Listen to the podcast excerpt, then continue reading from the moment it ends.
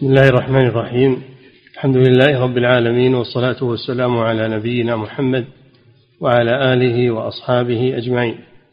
أما بعد فقال شيخ الإسلام الإمام تقي الدين أحمد بن عبد الحليم بن تيمية في كتابه العقيدة الواسطية رحمه الله. قال بسم الله الرحمن الرحيم. الحمد لله رب العالمين صلى الله وسلم على نبينا محمد وعلى آله وأصحابه أجمعين. كان المسلمون في القرون المفضلة يأخذون عقيدتهم من الكتاب والسنة فما جاء في كتاب الله وصح عن رسول الله صلى الله عليه وسلم أخذوا به في العقائد وفي غيرها. لأن الله أمر بذلك. قوله تعالى يا أيها الذين آمنوا أطيعوا الله وأطيعوا الرسول وأولي الأمر منكم.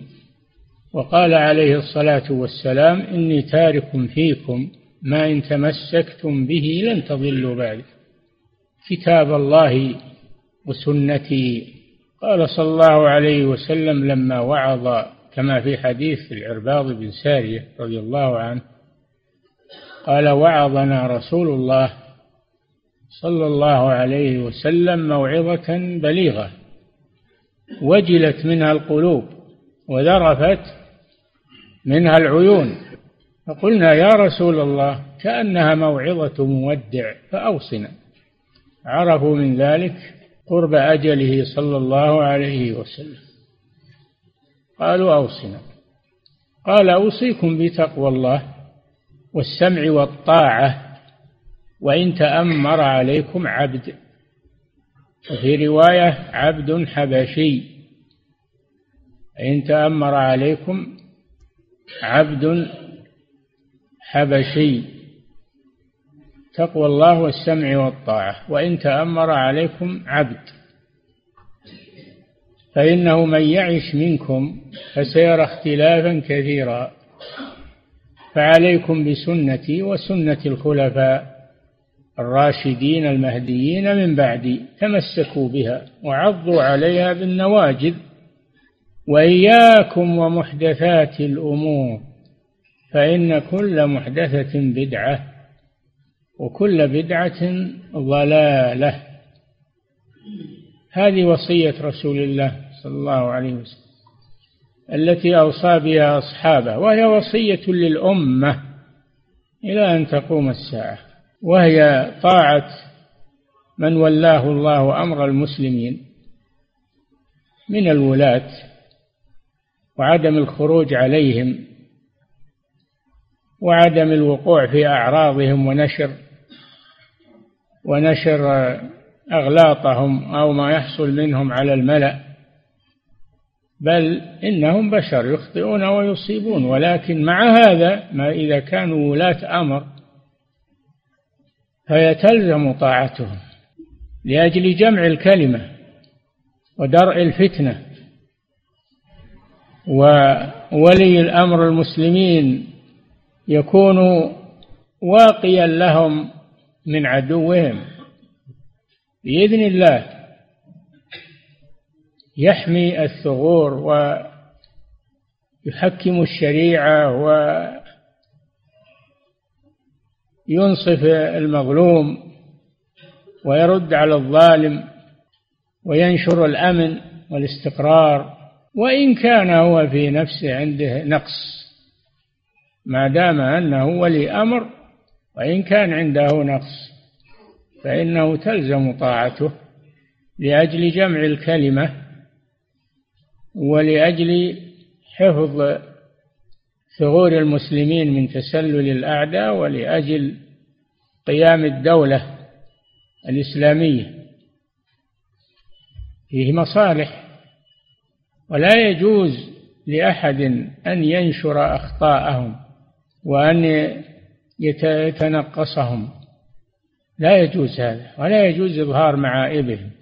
هذا من شق عصا الطاعة. الذي ينشر معايب ولاة الأمور ويروجها هذا من شق عصا الطاعة وهذا مذهب الخوارج والخروج على ولي الأمر يتنوع منه خروج بالسلاح ومنه خروج بالكلام ومنه خروج بالاعتقاد ولو لم. ولو لم يكن مسلحا ولو لم يكن ولو ولو لم يكن ولو لم يتكلم. إذا كان في نيته واعتقاده أن ولي الأمر أنه لا يصلح للولاية وأنه وأنه هذا خروج نوع خروج. فلا يجوز شق عصا الطاعة. من أتاكم قال صلى الله عليه وسلم من أتاكم وأمركم جميع على واحد منكم يريد أن يشق أن يفرق كلمتكم. ويشق عصا الطاعة فاقتلوه كائنا من كان. لا يجوز إتاحة الفرصة لمن يسب ويشتم ويتنقص. لا يجوز هذا لأن هذا ما هو ضرر على ولي الأمر فقط هذا ضرر على المسلمين. يترتب عليه الخروج على ولي الأمر شق عصا الطاعة تسلط العدو وحدوث الفتن بين المسلمين وسفك الدماء. هذا لا يجوز أبدا لا يجوز الحط من قدر ولي الأمر. ما دام أنه مسلم ما دام أنه مسلم فإنه لا يجوز وهو ولي أمر تلزم طاعته ولا يجوز سبه ولا يجوز الخروج عليه بالكلام أو بالفعل لأجل جمع الكلمة ودرء الفتنة وجمع كلمة المسلمين ونشر الأمن المصالح التي لا تخفى والمضار التي لا تخفى في الخروج عليه وشق عصا الطاعة. كان الإمام أحمد رحمه الله لقي من لقي من التعذيب ولقي من السجن ولقي ومع هذا كان يدعو لولي الأمر ويقول لو أعلم أن لي كلمة مستجابة لصرفتها لولي الأمر. هذا مذهب أهل السنة والجماعة أنهم يحرصون على جمع الكلمة ويحرصون على يحرصون على السمع والطاعة كما أوصى النبي صلى الله عليه وسلم. أوصيكم بتقوى الله والسمع والطاعة وإن تأمر عليكم عبد. أو في رواية عبد حبشي. في رواية مجدع الأطراف. يعني مقطعة الأطراف فلا يجوز تنقصه ولا يجوز الخروج عليه لما يترتب على ذلك من الشرور والفتن. ولي الأمر أمر المسلمين. يؤمن الله به الحدود ويؤمن يؤمن به الثغور. وولي أمر المسلمين يقيم الجهاد في سبيل الله. ويرد الأعداء عن بلاد المسلمين. ولي الأمر ينفذ الحدود يقيم الحدود. ولي الأمر يمنع الظالم وينصف المظلوم. فيه مصالح عظيمة. ولهذا يقول شيخ الإسلام ابن تيمية ما عرف أن جماعة خرجوا على ولي أمرهم إلا كان حالهم بعد الخروج شرا من حالهم قبل الخروج. هذا في التاريخ تاريخ العالم. لا يجوز هذا. ولاة الأمور أمور المسلمين لهم حرمة ولهم مكانة.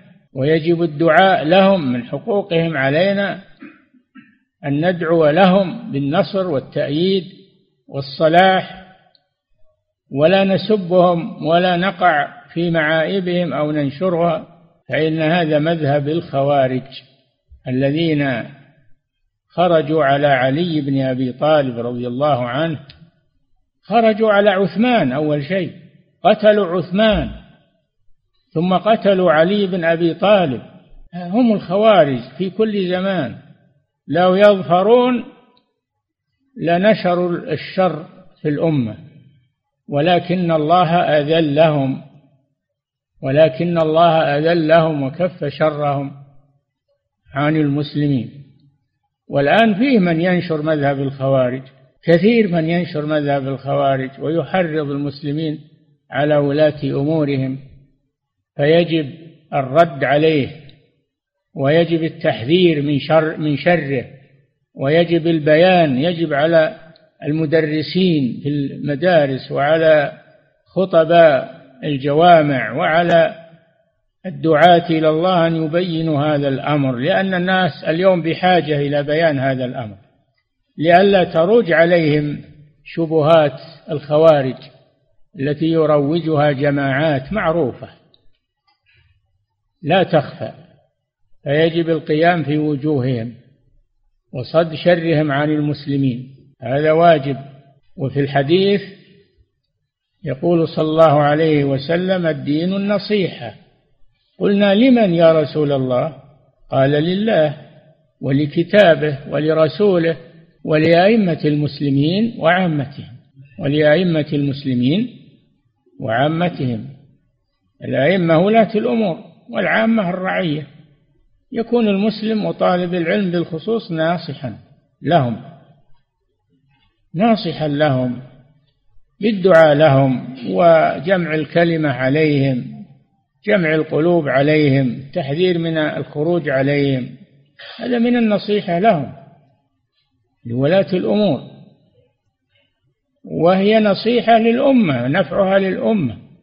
نصيحة لله ولكتابه ولرسوله ولأئمة المسلمين وعامة المسلمين. هذا هو الدين. وليس من النصيحة إظهار المعايب ونشر. نعم إذا كان عندك ملاحظة على ولي أمر تبلغه إياه بينك وبينه. من رأى على ولي أمر أمره شيئا فليأخذ بيده وليناصحه. بينه وبينه فإن قبل وإلا فقد برئت ذمته. أما أنه ينشر على الناس هذه الأمور ويروجها ويحدث شرا وفتنة بين المسلمين وولاة أمورهم فهذا شر عظيم. من المعلوم أن أنه بعد القرون المفضلة جاء ولاة فيهم ما فيهم ومع هذا الأئمة من أهل العلم كانوا يجمعون الناس على طاعتهم وعلى نصيحتهم وعلى ولا خرجوا عليهم لما في الخروج عليهم من الشر العظيم الذي هو أكثر من الصبر على ولايتهم. هذا أمر يجب معرفته ويجب نشره في الناس لا سيما في هذا الوقت الذي كثرت فيه الشرور والشبهات وصارت تنتشر وظهر جماعات تنشر هذه الأشياء لتفرق بين المسلمين ولتسفك دماءهم وليكونوا بوابة للعدو الكافر أن يدخل أو يتدخل في بلاد المسلمين. فالواجب معرفة هذا الأمر.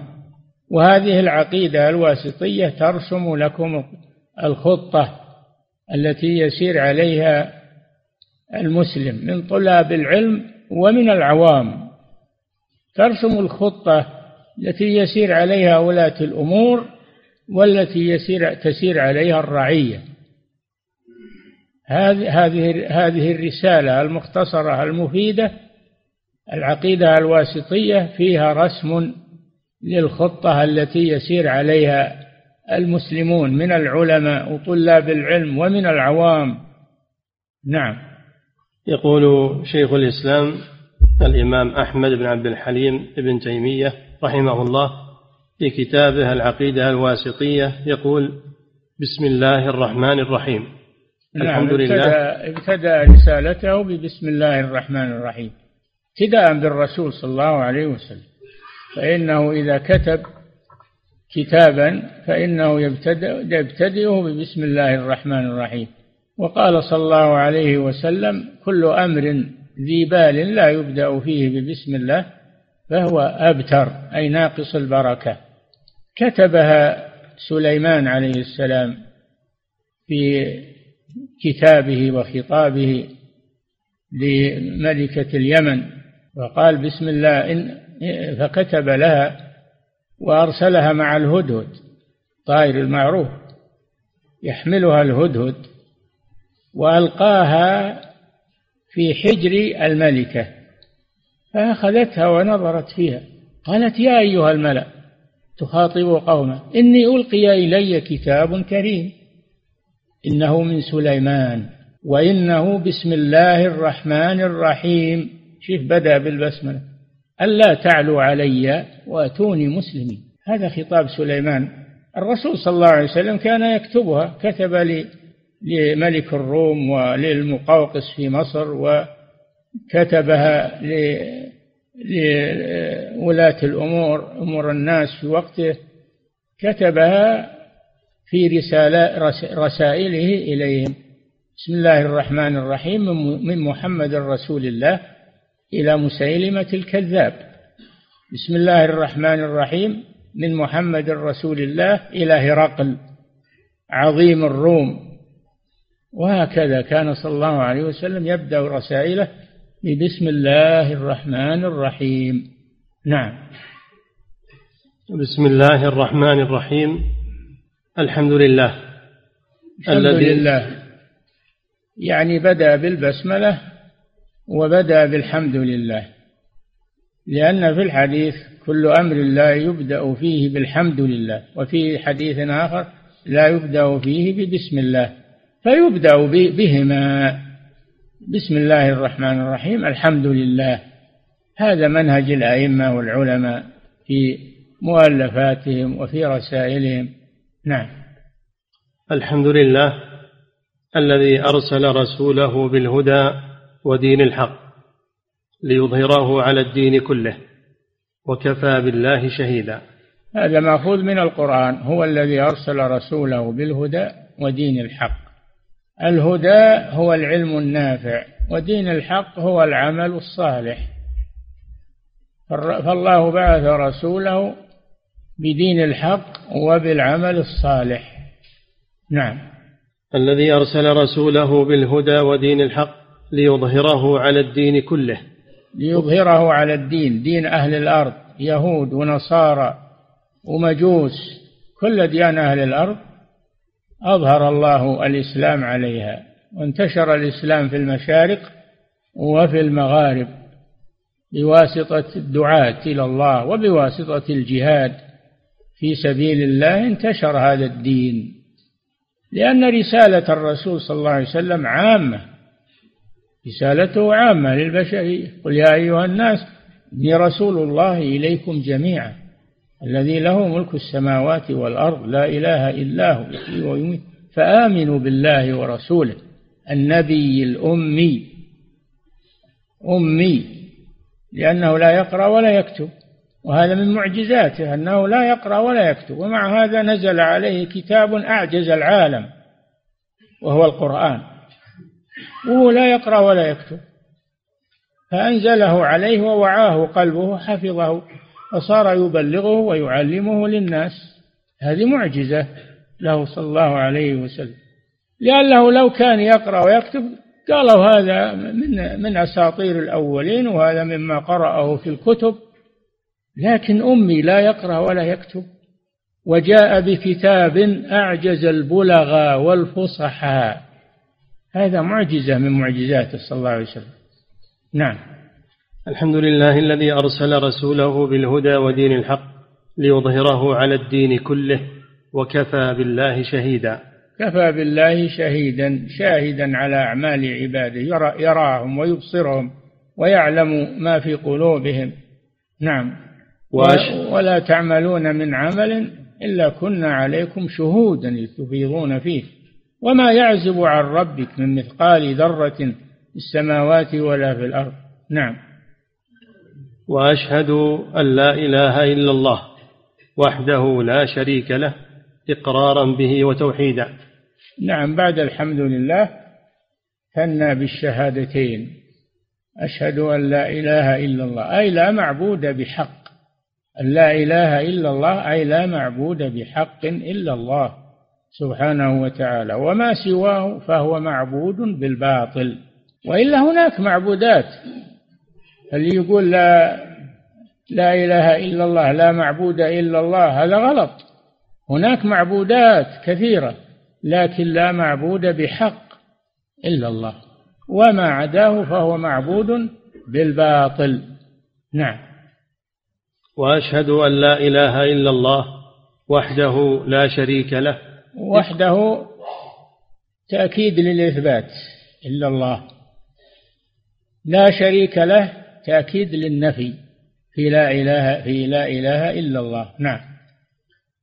وأشهد أن لا إله إلا الله وحده لا شريك له إقرارا به وتوحيدا. إقرارا بالله سبحانه وتعالى إقرارا بالقلب واللسان والفعل وتوحيدا أي إفرادا له سبحانه وتعالى بالعبادة. نعم. وأشهد أن محمدا عبده ورسوله. أن محمدا عبده ورسوله. أن محمدا عبده هذا رد على الغلاة الذين يغلون في الرسول صلى الله عليه وسلم. الرسول عبد من عباد الله ليس له ليس له شركة مع الله وليس هو ابن الله ولا فهو عبد من عباد الله. عبد كما قال الله سبحانه سبحان الذي أسرى بعبده ليلا من المسجد الحرام. قال تعالى وإن كنتم في ريب مما نزلنا على عبدنا. من هو عبدنا؟ رسول الله محمد صلى الله عليه وسلم. فهو عبد عليه الصلاة والسلام. والعبد لا يعبد. وإنما يطاع ويتبع عليه الصلاة والسلام. هذا الواجب في حقه أن يطاع ويتبع. أما أنه يعبد مع الله سبحانه وتعالى فهذا من غلو النصارى الذين قالوا المسيح ابن الله أو هو الله أو ثالث ثلاثة. فنحن لا نغلو بنبينا محمد صلى الله عليه وسلم ولا نرفعه فوق منزلته التي أنزله الله إياها. هذا معنى عبد عبد. ورسوله هذا رد على الجفاة في حقه صلى الله عليه وسلم. الذين ينكرون رسالته عليه الصلاة والسلام. نعم. وأشهد أن محمدا عبده ورسوله صلى الله عليه وعلى آله وأصحابه وسلم تسليما مزيدا. نعم من حقه صلى الله عليه وسلم أن نحبه أشد من حبنا لأنفسنا ومن حبنا لأولادنا ومن حبنا للناس أجمعين. كما قال صلى الله عليه وسلم لا يؤمن أحدكم حتى أكون أحب إليه من ولده ووالده والناس أجمعين. نعم. صلى الله عليه وعلى آله وأصحابه. وعلى آله آله هم قرابته عليه الصلاة والسلام.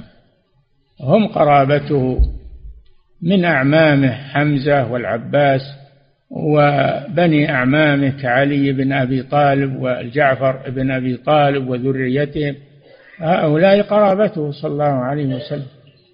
وكذلك صحابته من من المهاجرين والأنصار رضي الله عنهم. نعم.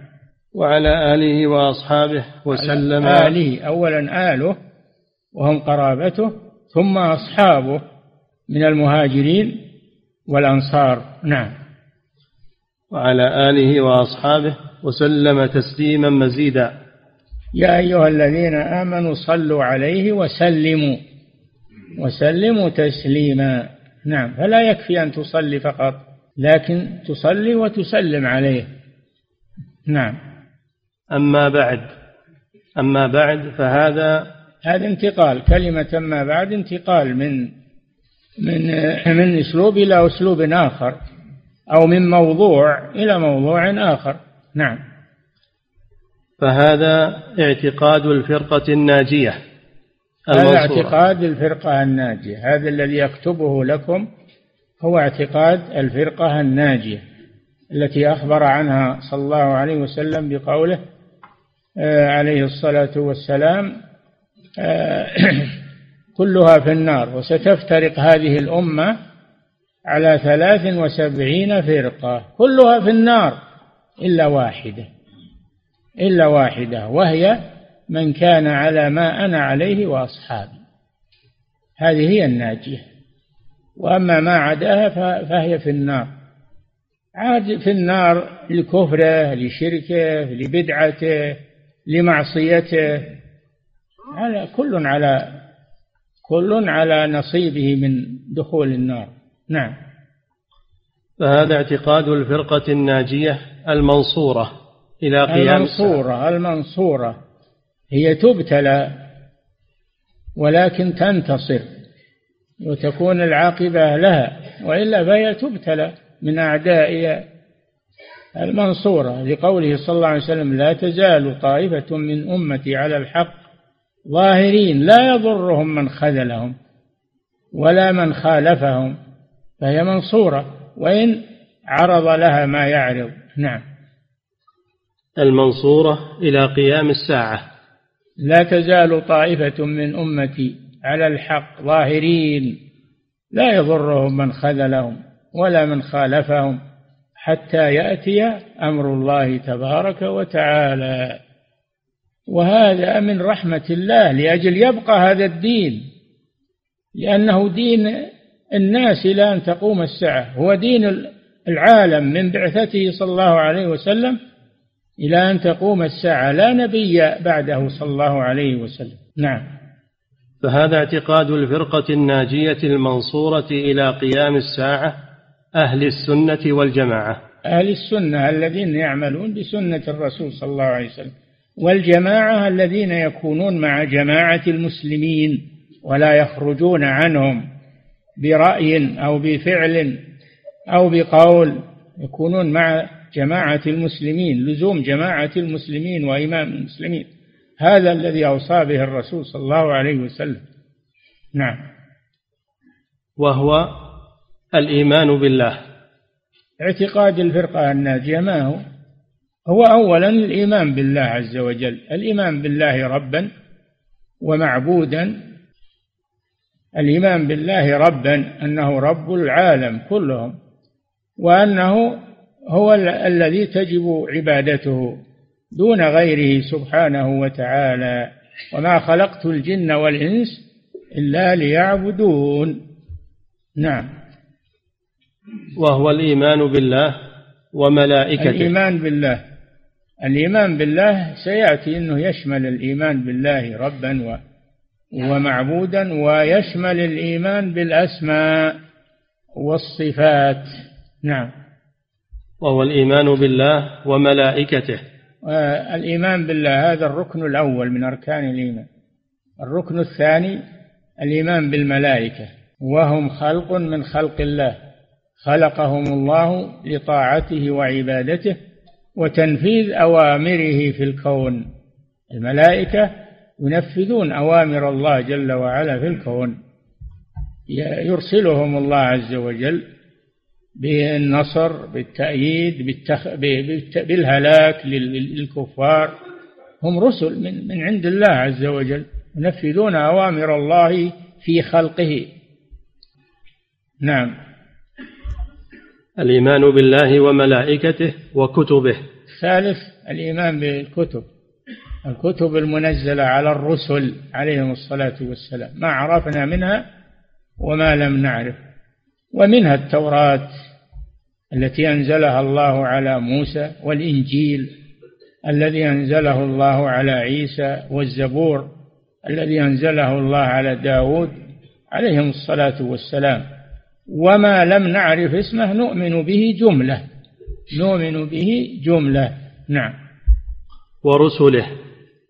نعم. الإيمان بالله وملائكته وكتبه ورسله. نعم هذا الركن الرابع. الرابع. الإيمان بالرسل من جميعهم من أولهم إلى آخرهم. من نوح عليه السلام إلى محمد صلى الله عليه وسلم. نؤمن بهم جميعا. من سمى الله منهم ومن لم يسمي وكم وكم وكم أهلكنا من القرون من بعد نوح. فيهم رسل عصوهم فأهلكهم الله سبحانه وتعالى. وما كنا معذبين حتى نبعث رسولا. نعم. الإيمان بالله وملائكته وكتبه ورسله والبعث بعد الموت. هذا الركن الخامس من أركان الإيمان. قال صلى الله عليه قال جبريل للرسول صلى الله عليه وسلم أخبرني عن الإيمان. قال أن تؤمن بالله وملائكته وكتبه ورسله واليوم الآخر وتؤمن بالقدر خيره وشره. نعم. والبعث بعد ستة الموت. ستة أركان. ستة أركان تسمى أركان الإيمان. الإسلام خمسة أركان والإيمان ستة أركان والإحسان ركن واحد. نعم. والبعث بعد الموت والإيمان. نعم تؤمن بالبعث بعد الموت. أن الله يبعث من في القبور سبحانه وتعالى ويحاسبهم ويجازيهم ويدخلهم يدخل المؤمنين الجنة ويدخل الكفار النار. نعم. والإيمان بالقدر خيره. هذا الركن الأخير وهو الركن السادس من أركان الإيمان. الإيمان بالقدر وهو القضاء من الله سبحانه وتعالى. أن الله قدر المقادير. فما يحدث في هذا الكون من خير أو شر ومن كفر ومن إيمان ومن نصر ومن هزيمة ومن موت ومن حياة ومن غنى ومن فقر كله مقدر من الله سبحانه وتعالى وليس أمرا آه، يعني آه، حدثا لم يسبق له تقدير كل كل شيء مقدر. إن كل شيء خلقناه بقدر. فما يحدث في هذا الكون من شيء إلا وقد قدره الله سبحانه وتعالى. نعم. والإيمان بالقدر خيره وشره.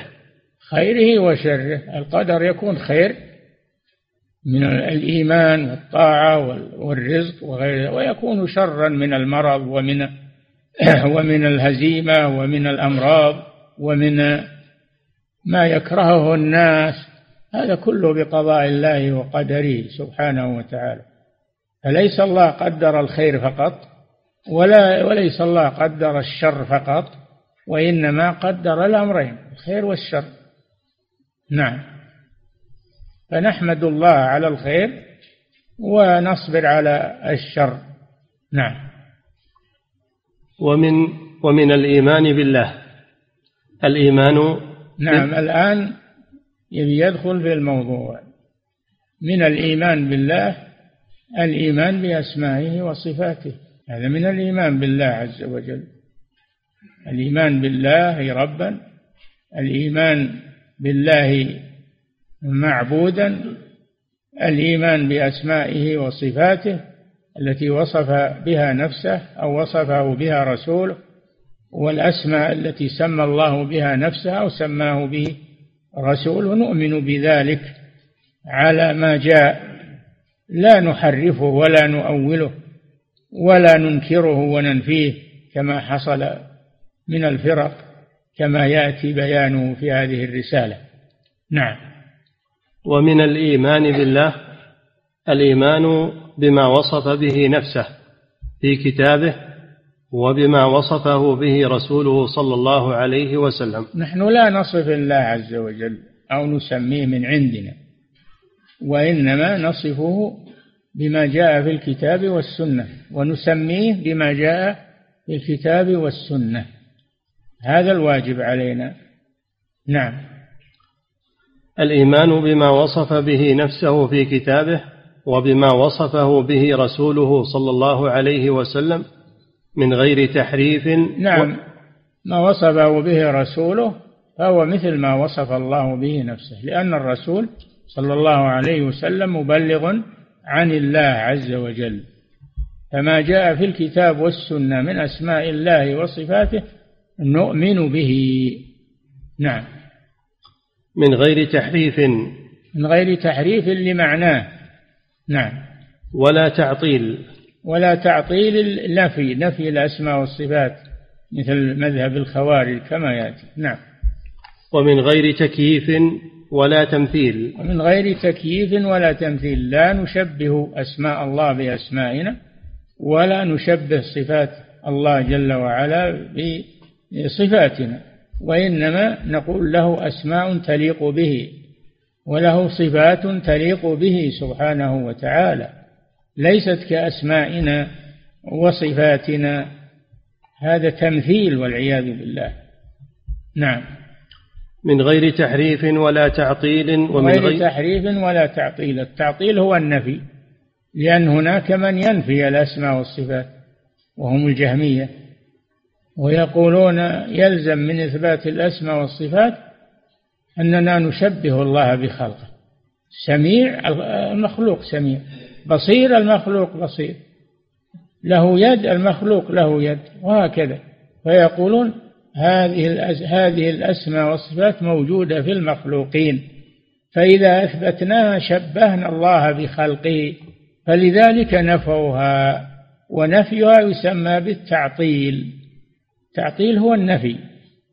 يقال امرأة عاطل يعني ليس عليها حلي يعني خالية من الحلي. فإخلاء الله من أسمائه وصفاته هذا تعطيل تعطيل والعياذ بالله. نعم. من غير تحريف ولا تعطيل ومن غير تكييف ولا تمثيل. ومن غير تكييف ولا تمثيل. هناك من يثبتها. ولكن يغلو في الإثبات ويقول هي مثل صفاتنا ومثل أسمائنا. هذا باطل. الأول باطل وهو التعطيل والثاني باطل وهو التمثيل. فنحن لا نعطل ولا نمثل وإنما نثبت الأسماء والصفات كما يليق بجلال الله سبحانه وتعالى. الله له يد والمخلوق له يد لكن فرق بين يد الخالق ويد المخلوق. الله له سمع المخلوق له سمع لكن فرق بين سمع الله وسمع المخلوق. وهكذا في سائر الأسماء والصفات. وإن كانت موجودة في المخلوقين وموجودة في الخالق فلا تشابه بينهما. نعم. بل يؤمنون بأن الله سبحانه وتعالى ليس كمثله شيء وهو السميع البصير. هذا فيه الرد على على المشبهة وفيه الرد على المعطلة.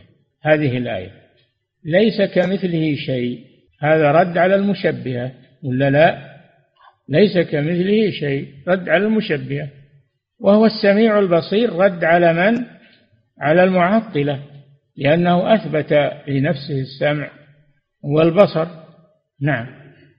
بل يؤمنون بأن الله سبحانه وتعالى وهذه الآية مقياس في جميع الأسماء والصفات. هذه الآية مقياس. نعم. بل يؤمنون بأن الله سبحانه وتعالى ليس كمثله شيء وهو السميع البصير فلا ينفون عنه ما وصف ليس به. ليس كمثله شيء. شوف نفى عن نفسه المثلية. وهو السميع البصير نفى عن نفسه التعطيل. أثبت لنفسه السمع والبصر رد على المعطلة. نعم. وأول الآية رد على من؟ على المشبهة. نعم.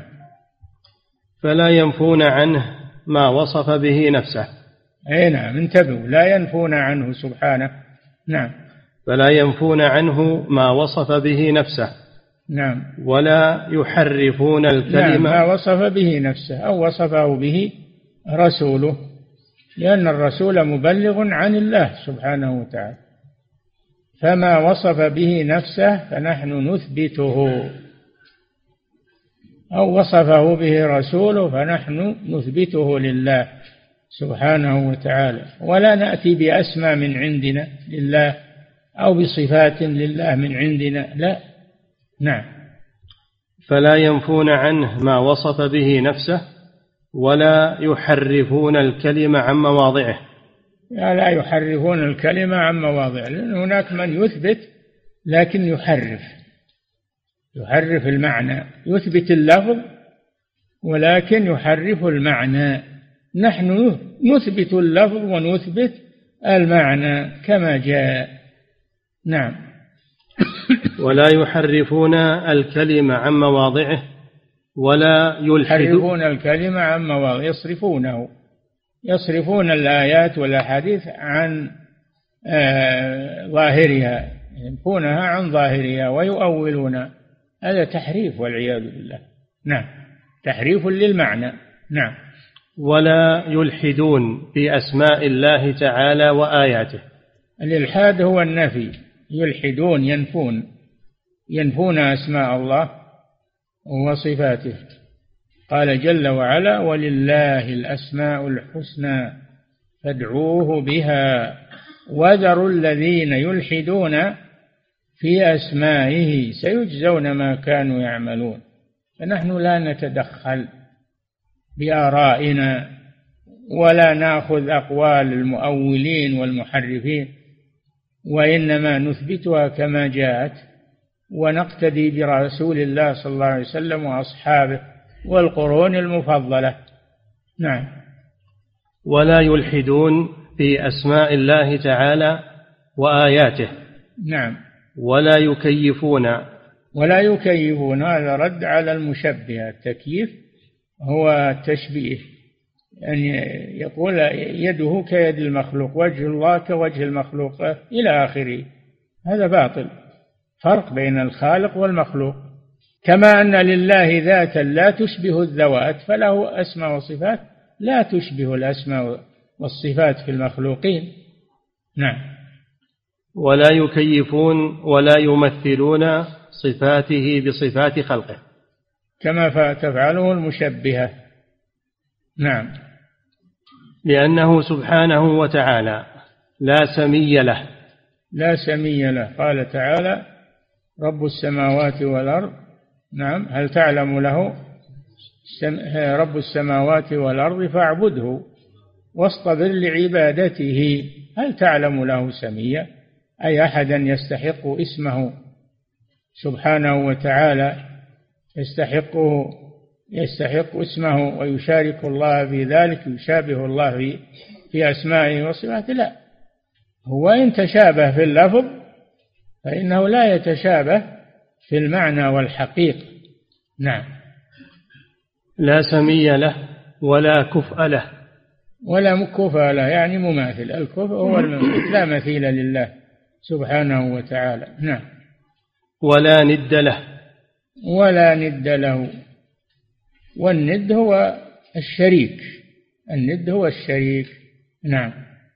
ولا يقاس بخلقه سبحانه وتعالى. هذه القاعدة أنه لا يقاس بخلقه فيقال لله أسمى وصفات تليق به وللمخلوقين أسمى وصفات تليق بهم ولا يقاس هذا على هذا. نعم. فإنه سبحانه أعلم بنفسه وبغيره. الله جل وعلا أعلم بنفسه ومع هذا سمى نفسه ووصف نفسه وهو أعلم بما يليق به. لو كان في الأسماء والصفات محذورا لما سمى الله نفسه بها أو وصف أو وصفه نفسه بها. فهو أعلم بنفسه أعلم بما يليق به سبحانه وأعلم بما ينزه عنه. ومع ذلك سمى نفسه بأسماء ووصف نفسه بصفات وهو أعلم بذلك سبحانه وتعالى. أعلم منا. المعطلة والمشبهة يقولون لا نحن أعلم بهذا. فينفون عن الله جل وعلا ما سمى نفسه بها ووصفه به. يعني كأنهم أعلم بالله من الله عز وجل. نسأل الله العافية. نعم. فإنه سبحانه أعلم بنفسه وبغيره. نعم أعلم بنفسه وبغيره من مخلوقاته. واسع العلم. كان الله واسعا عليما. علمه شامل لكل شيء. وبكل شيء عليم. بكل شيء. بكل شيء عليم. لا يعزب عنه مثقال ذرة في السماوات عالم الغيب. لا يعزب عنه مثقال ذرة في السماوات ولا في الأرض. ولا أصغر من أكثر من ذلك ولا أكبر إلا في كتاب مبين. نعم. فإنه سبحانه أعلم بنفسه وبغيره وأصدق قيلا. نعم هو أصدق قيلا. ومن أصدق من الله قيلا ومن أحسن من الله حديثا. فهو أصدق القائلين سبحانه وتعالى. أما غيره فيكون قوله صدق ويكون قوله كذب ويكون قوله خلاف خلاف الحق. نعم. وأصدق قيلا وأحسن حديثا من خلقه. كما في الآيات ومن أحسن من الله حديثا ومن أصدق من الله قيلا. من أصدق يعني لا أحد. أصدق من الله قولا. ومن أحسن من الله حديثا يعني لا أحد أحسن من الله حديثا. والحديث هو الكلام. نعم. ثم رسله. صادقون مصدوقون. نقف على ثم رسله. نعم. فضيلة الشيخ وفقكم الله يقول هذه التسمية وهي التسمية بالعقيدة الواسطية هل الذي سماها بذلك هو شيخ الإسلام ابن تيمية أم استمدها تلامذته منها؟ سميت بالواسطية لأنه كتبها جوابا لرجل من أهل واسط في العراق. أهل واسط في العراق. كتبها جوابا لما سأله عن الموقف من أسماء الله وصفاته لأن الناس تكلموا وخاضوا. فهذا طالب هذا العلم سأل سأل شيخ الإسلام ما الموقف من هذا؟ نعم. فضيلة الشيخ وفقكم الله هذا سائل يقول هل ينصح طالب العلم بأن يحفظ هذه العقيدة عن ظهر قلب؟ والله طيب هذا. نحن حفظناها في المعهد العلمي مقررة في المعهد العلمي وحفظناها والحمد لله. الواجب أن طالب العلم يحفظها لا سيما طلاب المعاهد. نعم. التي قررت عليهم هذه العقيدة. نعم. هذه منة من الله عز وجل. إذا حفظوها وفهموها هذه منة من الله. نعم. فضيلة الشيخ وفقكم الله. هذا سائل يقول يقول ما الطريقة المثلى والصحيحة للتحضير لمثل هذا الدرس في العقيدة؟ هل هو الحفظ ثم الشرح وما الشروح التي تنصحون بها؟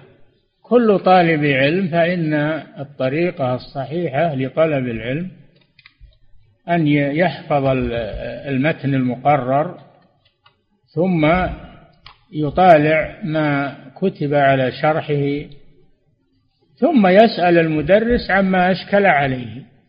إذا أشكل عليه شيء يسأل المدرس. نعم. فضيلة الشيخ وفقكم الله هذا سائل يقول بعض الكتاب ومن يسمون بالمثقفين كثيرا ما يتكلمون على شيخ الإسلام ابن تيمية ويحذرون من كتبه وأنها سبب للفتن والفرقة بين الناس. إلى آخره. يقول ما الواجب حيال هذه الكتابات المتكررة؟ أفمن زين له سوء عمله فرآه حسنا فإن الله يضل من يشاء ويهدي من يشاء. هؤلاء من هذا الصنف الذين زين لهم سوء عملهم. شيخ الإسلام يدعو إلى الكتاب والسنة. هل الذي يدعو إلى الكتاب والسنة يقال فيه شيء أو يتنقص؟ أو الذي يدعو إلى البدعة والتحريف وإضلال الناس عن دين الله؟ هذا هو اللي يمدح؟ هذا مثقف وواسع الاطلاع وعنده حرية رأي وسعة تفكير وما أشبه ذلك. هذه هذه أقوال باطلة. نعم. يسعنا ما وسع أصحاب رسول الله صلى الله عليه وسلم ومن جاء بعده. نعم. فضيلة الشيخ وفقكم الله هذا سائل يقول الفتن التي وقعت في عهد الصحابة رضوان الله عليهم ما واجب المسلم حيال هذه الفتن؟ يا أخي ما كلفك الله عافاك الله من هذا فلا تدخل فيها. لا تدخل فيها واعتذر للصحابة بأنهم مجتهدون إما مصيبون فلهم أجران وإما مخطئون فلهم أجر واحد والخطأ مغفور. والصحابة لهم أعمال جليلة تغطي عين الشمس. إذا وقع من أحد منهم شيء من المخالفة يسترها ما له من العمل والجهاد والسابقة العظيمة في الإسلام. فلا ندخل فيما وقع بين الصحابة بل نمسك عنه ونعتذر لهم. المخطي له أجر واحد والمصيب له أجران. ولهم من الفضل ولهم من الخير ما يغطي ما يحصل من النقص. نعم. فضيلة الشيخ وفقكم الله. عليك بنفسك يعني تشتغل بالصحابة وتنسى نفسك. هذا من العجب. نعم. فضيلة الشيخ وفقكم الله هذا سائل يقول الخوارج إنما سموا بهذا الاسم لأنهم قد خرجوا على ولاة أمر المسلمين. يقول هناك بعض من طلبة العلم من يقول بأن الخوارج هم من يقولون بالمنزلة بين المنزلتين وليس مجرد الخروج فقط. هذا جاهل لأن اللي يقولون بالمنزلة بين المنزلتين هم المعتزلة وليسوا الخوارج. لكن هذا جاهل ما يدري فما هم هذولا هذولا اللي آه، المعتزلة هم اللي يقولون بالمنزلة بين المنزلتين. أما الخوارج فيكفرون بالذنوب التي دون الشرك ويقولون أصحابها خالدون مخلدون في النار والعياذ بالله. هذول الخوارج. نعم. فضيلة الشيخ وفقكم الله هل صحيح أن بداية الخوارج هو ذاك الرجل الذي قال للنبي صلى الله عليه وسلم اتق الله يا محمد واعدل فإنك لم تعدل. هذا منهم هو بدايتهم هذا منهم رجل منهم تكلم في حق الرسول صلى الله عليه وسلم. الرسول حلم عنه ولم ي... ولما ولى قال يخرج من ضئضئ هذا يعني من أمثاله. قوم تحقرون صلاتكم إلى صلاتهم وصيامكم إلى صيامهم. إيه؟ يمرقون من الدين يمرقون من الدين كما يمرق السهم من الرمية. والعياذ بالله. نعم. فضيلة الشيخ وفقكم الله هذا سائل يقول هم يصلون ويصومون يسهرون الليل في القيام والنهار في تلاوة القرآن وفي العبادة لكنهم ليسوا على طريق صحيح. ما هم على طريق صحيح. والمهم أن تكون على طريق صحيح ما تكون على طريق خطأ. ولو اجتهدت وأنت على خطأ هذا ما ينفعك. إنما ينفعك العمل الصالح ولو كان قليلا. إذا كنت على طريق صحيح. نعم. الحسنة بعشر أمثالها. إلى سبعمائة ضعف إلى أضعاف كثيرة ولكن أن تكون على طريق صحيح. نعم. فضيلة الشيخ وفقكم الله هذا سائل يقول الداعية المسلم في بلد ما هل يجوز له أن يتكلم في ولي الأمر المسلم في بلد آخر؟ لا ينشر عقيدة أهل السنة والجماعة. ينشر عقيدة أهل السنة والجماعة. في ولاة الأمور وفي غيرهم في بلاد الكفار وفي بلاد المسلمين. هذا واجب طالب العلم واجب المسلم. نعم. فضيلة الشيخ وفقكم الله هذا سائل يقول هل الدعوة إلى الخروج إلى المظاهرات في بلاد المسلمين يعتبر من الخوارج؟ إي نعم هذا من مذهب الخوارج.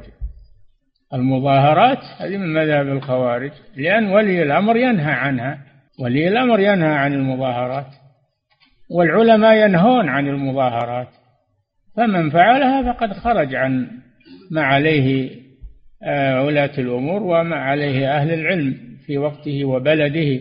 نعم. فضيلة الشيخ وفقكم الله هذا سائل من خارج هذه البلاد يقول ولي أمرنا في بلدنا قد نهى الخطباء أن يبينوا مشروعية ختان البنات.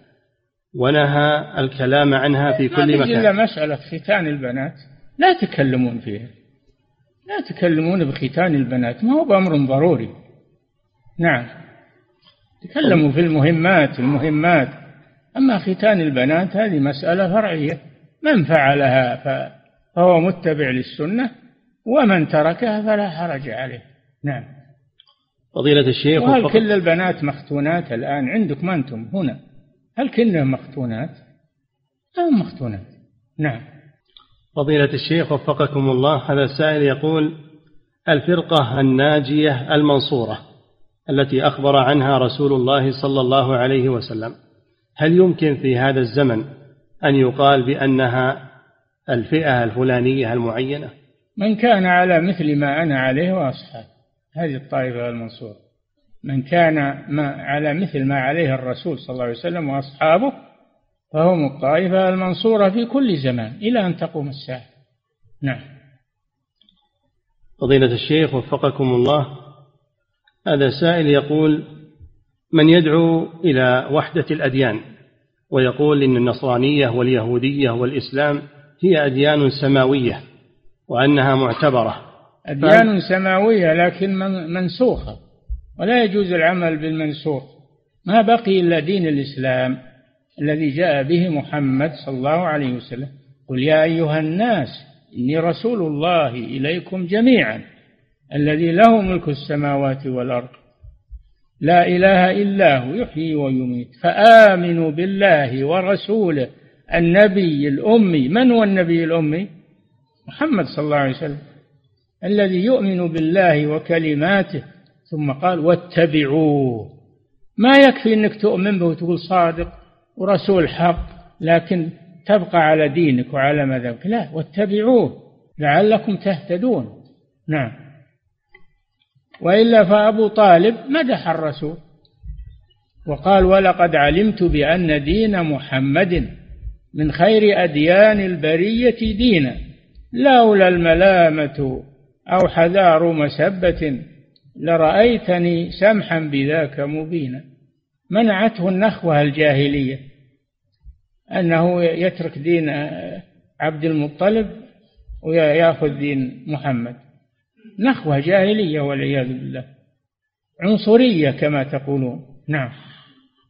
فضيلة الشيخ وفقكم الله. هذا سائل يقول يقول ذكرتم حفظكم الله جل وعلا قال في الكفار عموما قد نعلم إنه لا يحزنك الذي يقولون فإنهم لا يكذبونك ولكن الظالمين بآيات الله يجحدون فهم يقرون في قلوبهم أنه رسول الله. لكن منعتهم النخوة الجاهلية عن أن يتبعوه صلى الله عليه وسلم. نعم. فضيلة الشيخ وفقكم الله هذا السائل يقول ذكرتم حفظكم الله أن الرسول صلى الله عليه وسلم أمي لا يعرف أن يقرأ ولا يكتب كما ورد في الآية. نعم. يقول هل هناك تعارض مع الآية الأخرى وهي قوله سبحانه عن الرسول عليه الصلاة والسلام يعلمهم الكتاب والحكمة؟ يعلمهم وهو غير متعلم لأنه موحى إليه. يبلغهم ما أوحى الله إليه. ولا هو أمي قبل أن تنزل عليه أن ينزل عليه القرآن فهو أمي لا يقرأ ولا يكتب. كان إذا احتاج إلى دعا واحد يكتب له رسالة إلى من يريد. يدعو عليا يدعو زيد بن ثابت يدعو كتاب الصحابة. ما كان يكتب عليه الصلاة والسلام. نعم. حتى إنه في صلح الحديبية لما كتب علي بسم الله الرحمن من محمد رسول الله. هذا ما هذا ما صالح عليه محمد رسول الله. قال قال الرجل الذي جاء من قبل المشركين قال لو نعلم أنك رسول الله ما عصيناك ولكن امح امح رسول الله. النبي صلى الله عليه وسلم قال لعلي امحها. قال لا والله لا امحوها. فقال أرنيها عليه الصلاة والسلام أرنيها. فأراه إياها فمحاها الرسول صلى الله عليه وسلم لأجل لأجل إجراء الصلح بينه وبين المشركين. وقال والله إني لرسول الله وإن كذبتموني. نعم. فضيلة الشيخ وفقكم الله هذا سائل يقول هل أسماء الله سبحانه وتعالى وصفاته هي توقيفية؟ نعم. بلا شك أنها توقيفية. ما وصف وسمى به نفسه. ولا نجيب شيء من عندنا. نعم. فضيلة الشيخ وفقكم الله هذا سائل يقول هل يجوز ترجمة أسماء الله سبحانه وتعالى إلى لغة أخرى غير العربية أم يكون هذا من التحريف والإلحاد؟ لا يجوز هذا.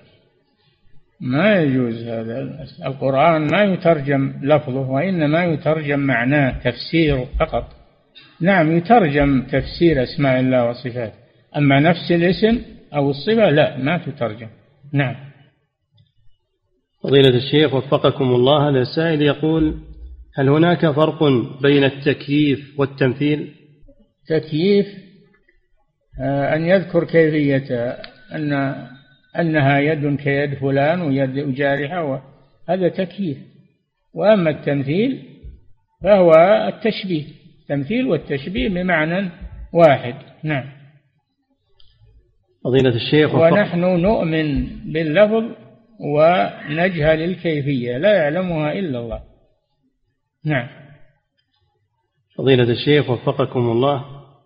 هذا سائل يقول هل تأويل صفات الله عز وجل هو من القول على الله بغير علم؟ هو من أكبر القول على الله بغير علم ما في شك. أنه من أكبر القول على الله بغير علم وأن تقولوا على الله ما لا تعلمون. نعم.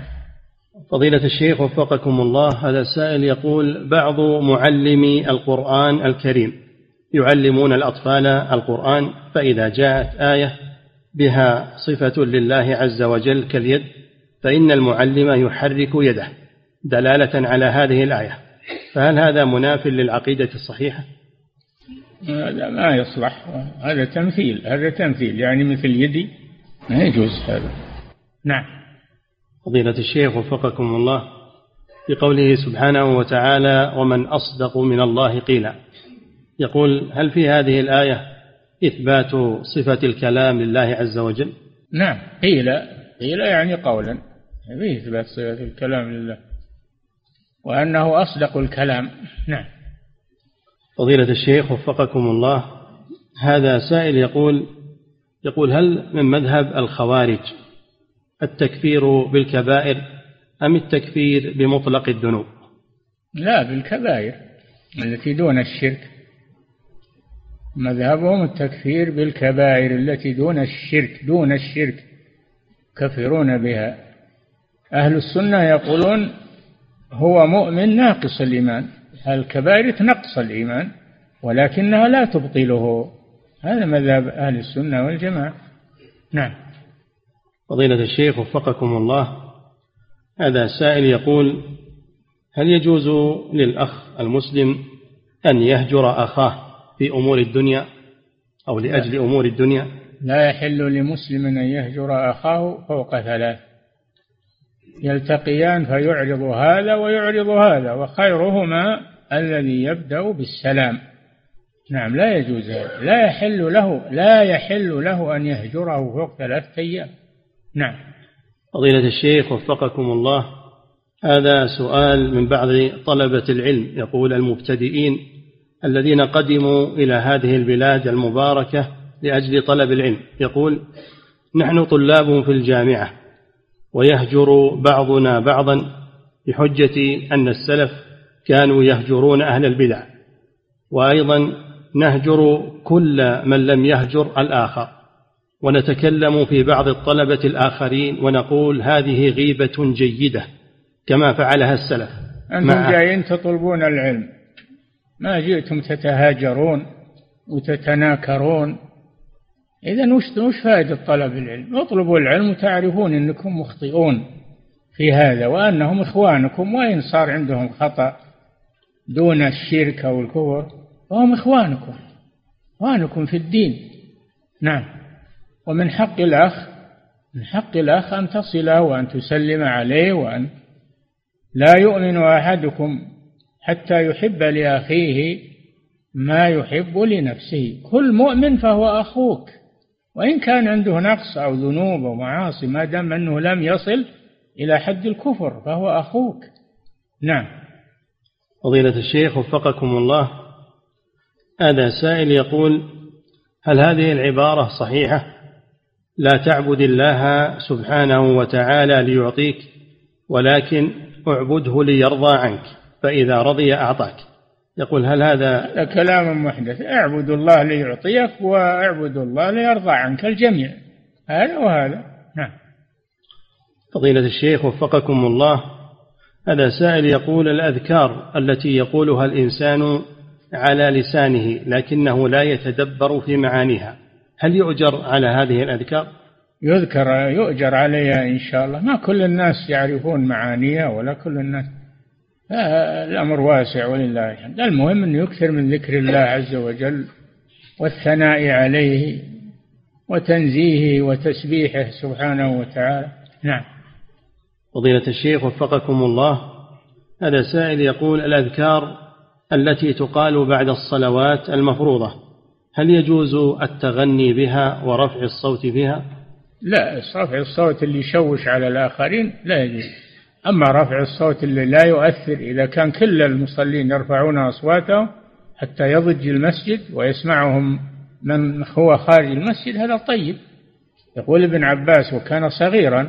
يقول ما كنا نعرف انصراف رسول الله صلى الله عليه وسلم من الصلاة حتى نسمع التكبير. يعني الذكر بعد الصلاة. دل على أنهم يجهرون بالذكر بعد الصلاة. نعم. فضيلة الشيخ وفقكم الله. هذا سائل يقول صليت في المسجد النبوي صلاة الجمعة ثم قمت مباشرة فجمعت معها صلاة العصر قصرا. يقول هل علي شيء في ذلك؟ ما تجمع الجمعة مع ما تجمع العصر مع الجمعة لأنها ليست من جنسها. فعليك أن تعيد صلاة العصر. بارك الله فيك. من اللي يفتاك في هذا؟ نعم. صادر فيه فتوى من هيئة كبار العلماء برئاسة الشيخ بن باز رحمه الله وأنا الذي كتبتها لأن هذا لا يجوز لأنها ليست من جنسها موقع عليها جميع الأعضاء نعم فضيلة الشيخ وفقكم الله هذا سائل يقول يقول إن زوجته بعد كل صلاة فريضة تقوم بأداء سجدة فتسجد لله بعد أه؟ سلامها أه؟ يقول زوجته بعد كل فريضة بعد كل صلاة فريضة وبعد السلام تقوم بالسجود لله سبحانه وتعالى. هذا بدعة. هذا بدعة وزيادة في الصلاة لا تجوز. فبين لها وفقك الله أن هذا غير مشروع وهي غير مأجورة عليه. نعم. فضيلة الشيخ وفقكم الله هذا السائل يقول يقول عندي أخ بالغ عاقل. لكنه يقوم بسب الله جل جلاله. يقول هل يخرج من الملة وماذا أصنع معه؟ إذا لم يخرج هذا من الملة فمن الذي يبقى؟ اللي يسب الله أو يسب الرسول صلى الله عليه وسلم أو يسب دين الإسلام؟ هذا يكفر بذلك والعياذ بالله. أخوك وغيره. نعم. فضيلة الشيخ وفقكم الله. هذا سائل يقول من يترك بعض الصلوات متعمدا ما حكمه؟ لا يجوز ترك بعض الصلوات. الصلوات كلها مفروضة ويجب أداء ولا يجوز أن يصلي بعضا ويترك بعضا.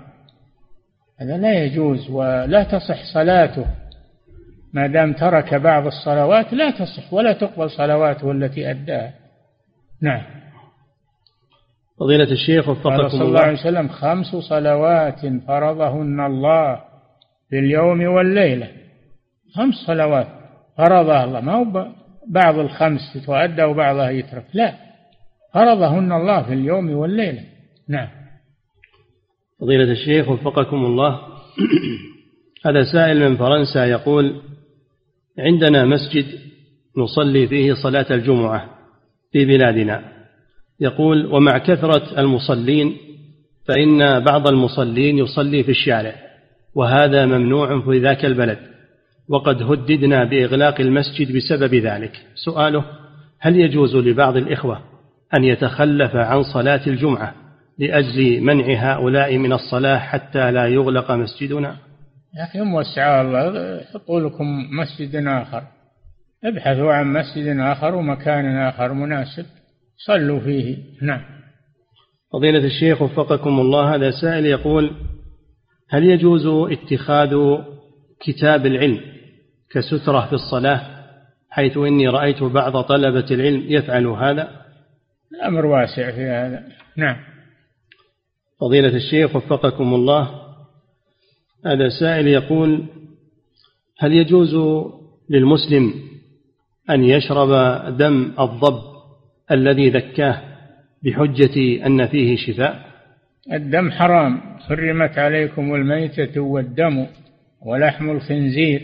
الدم حرام لا يشرب ولا يتداوى به إلا قضية الإسعاف بالدم.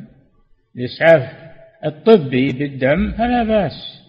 أما أنك تشربه تبي منه زيادة قوة ولا تقول هذا فيه شفاء مش دريك إن فيه شفاء هذا مرض. الدم مرض. كيف تشرب؟ نعم. فضيلة الشيخ وفقكم الله. هل قرر الأطباء إن دم الضب يشرب؟ أنت ما ما أنت مريض حتى تسعف لدم الضب أو ثم لا يصلح لك دم الضب. ما يصلح لك إلا دم إنسان. يطابق لك. يطابق لك. بتقرير الأطباء ما هي بالمسألة فوضى. نعم تدخل بجسمك شيء ما, ما تدري وش عواقبه. نعم. فضيلة الشيخ وفقكم الله هذا سائل يقول ما حكم تحية المسجد؟ هل هي واجبة إذا دخل الإنسان المسجد؟ ما قال أحد إنها واجبة. من يعتد بكلام. مجمعين على أنها سنة. لقوله صلى الله عليه وسلم خمس صلوات فرضهن الله في اليوم. والليلة. الأعرابي لما بين له الرسول صلى الله عليه وسلم الخمس الصلوات قال هل علي غيرها يا رسول الله؟ قال لا إلا أن تتطوع. نعم. فضيلة الشيخ وفقكم الله هذا سائل يقول هل التسمية واجبة عند الوضوء؟ وإذا كان الإنسان داخل دورات المياه وأراد أن يتوضأ فهل له أن يسمي؟ نعم التسمية واجبة عند الوضوء كما عند الإمام أحمد رحمه الله. دورات المياه محل قضاء الحاجة والحش لا ما تذكر الله فيه لكن محل المغاسل ومحل الوضوء لا بأس بذلك. دورات المياه ما هي كلها يعني. محل قضاء الحاجة هو الذي فيه الكلام. أما المغاسل اللي خارج محل قضاء الحاجة هذه أمرها سهل. نعم.